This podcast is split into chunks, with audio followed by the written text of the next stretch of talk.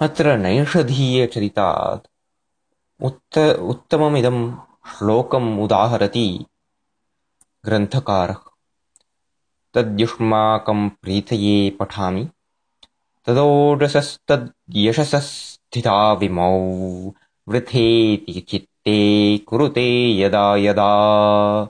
तनोति भानोः परिवेशकैतवात् तदा विधिः कुण्डलनां विधोरपि। नलस्य ओजसः तदोजसः नलस्य यशसः तद्यशसः।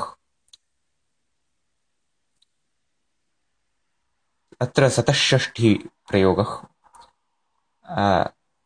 एतयोरग्रे इव इमौ सूर्यचन्द्रौ वृथा स्थितौ इति चित्ते यदा यदा ब्रह्मा जगत्कर्ता कुरुते तदा तदा एतयोः परितः एकां परिधिं नाम परिवेशं रचयति। यत्र वयं गगने कदाचित् पश्यामः सूर्यचन्द्रयोः परितः किञ्चित् प्रकाशवान् परिधिः कदाचित् कदाचित् दृश्यते तद् किमर्थं करोति?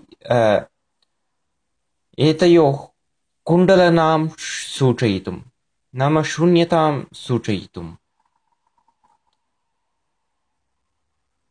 परिधिम् एवं रचयति।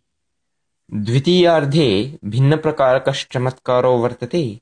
प्रथमार्धे तु पूर्वोक्तस्य कैमर्थ्यवचनप्रभेदकस्य